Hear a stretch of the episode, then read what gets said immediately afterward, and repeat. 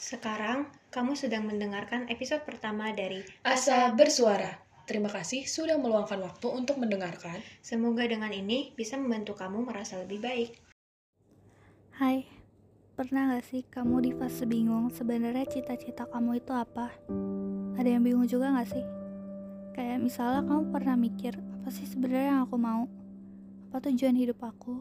Apa yang aku lakuin agar aku berguna? Fix, itu namanya kalian lagi krisis identitas dan wajar banget dialami oleh remaja.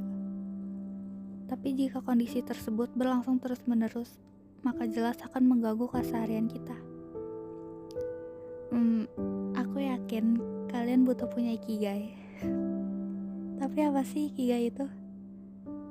Dalam istilah sederhana, ikigai adalah konsep Jepang yang didefinisikan sebagai alasan untuk hidup. Bagian mendasar dari budaya di Okinawa, Ikigai juga memberikan sebuah alasan untuk bangun di pagi hari.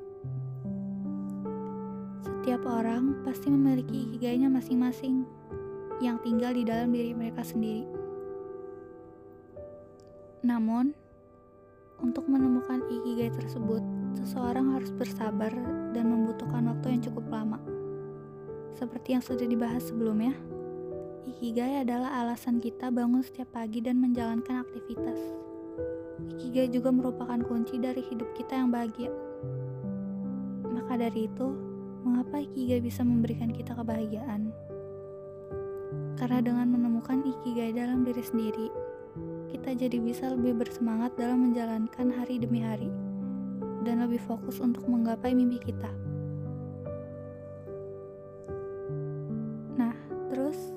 Bagaimana sih menemukan Ikigai dalam diri kita? Untuk menemukan ikigai, kalian harus memberikan empat pertanyaan kepada diri sendiri.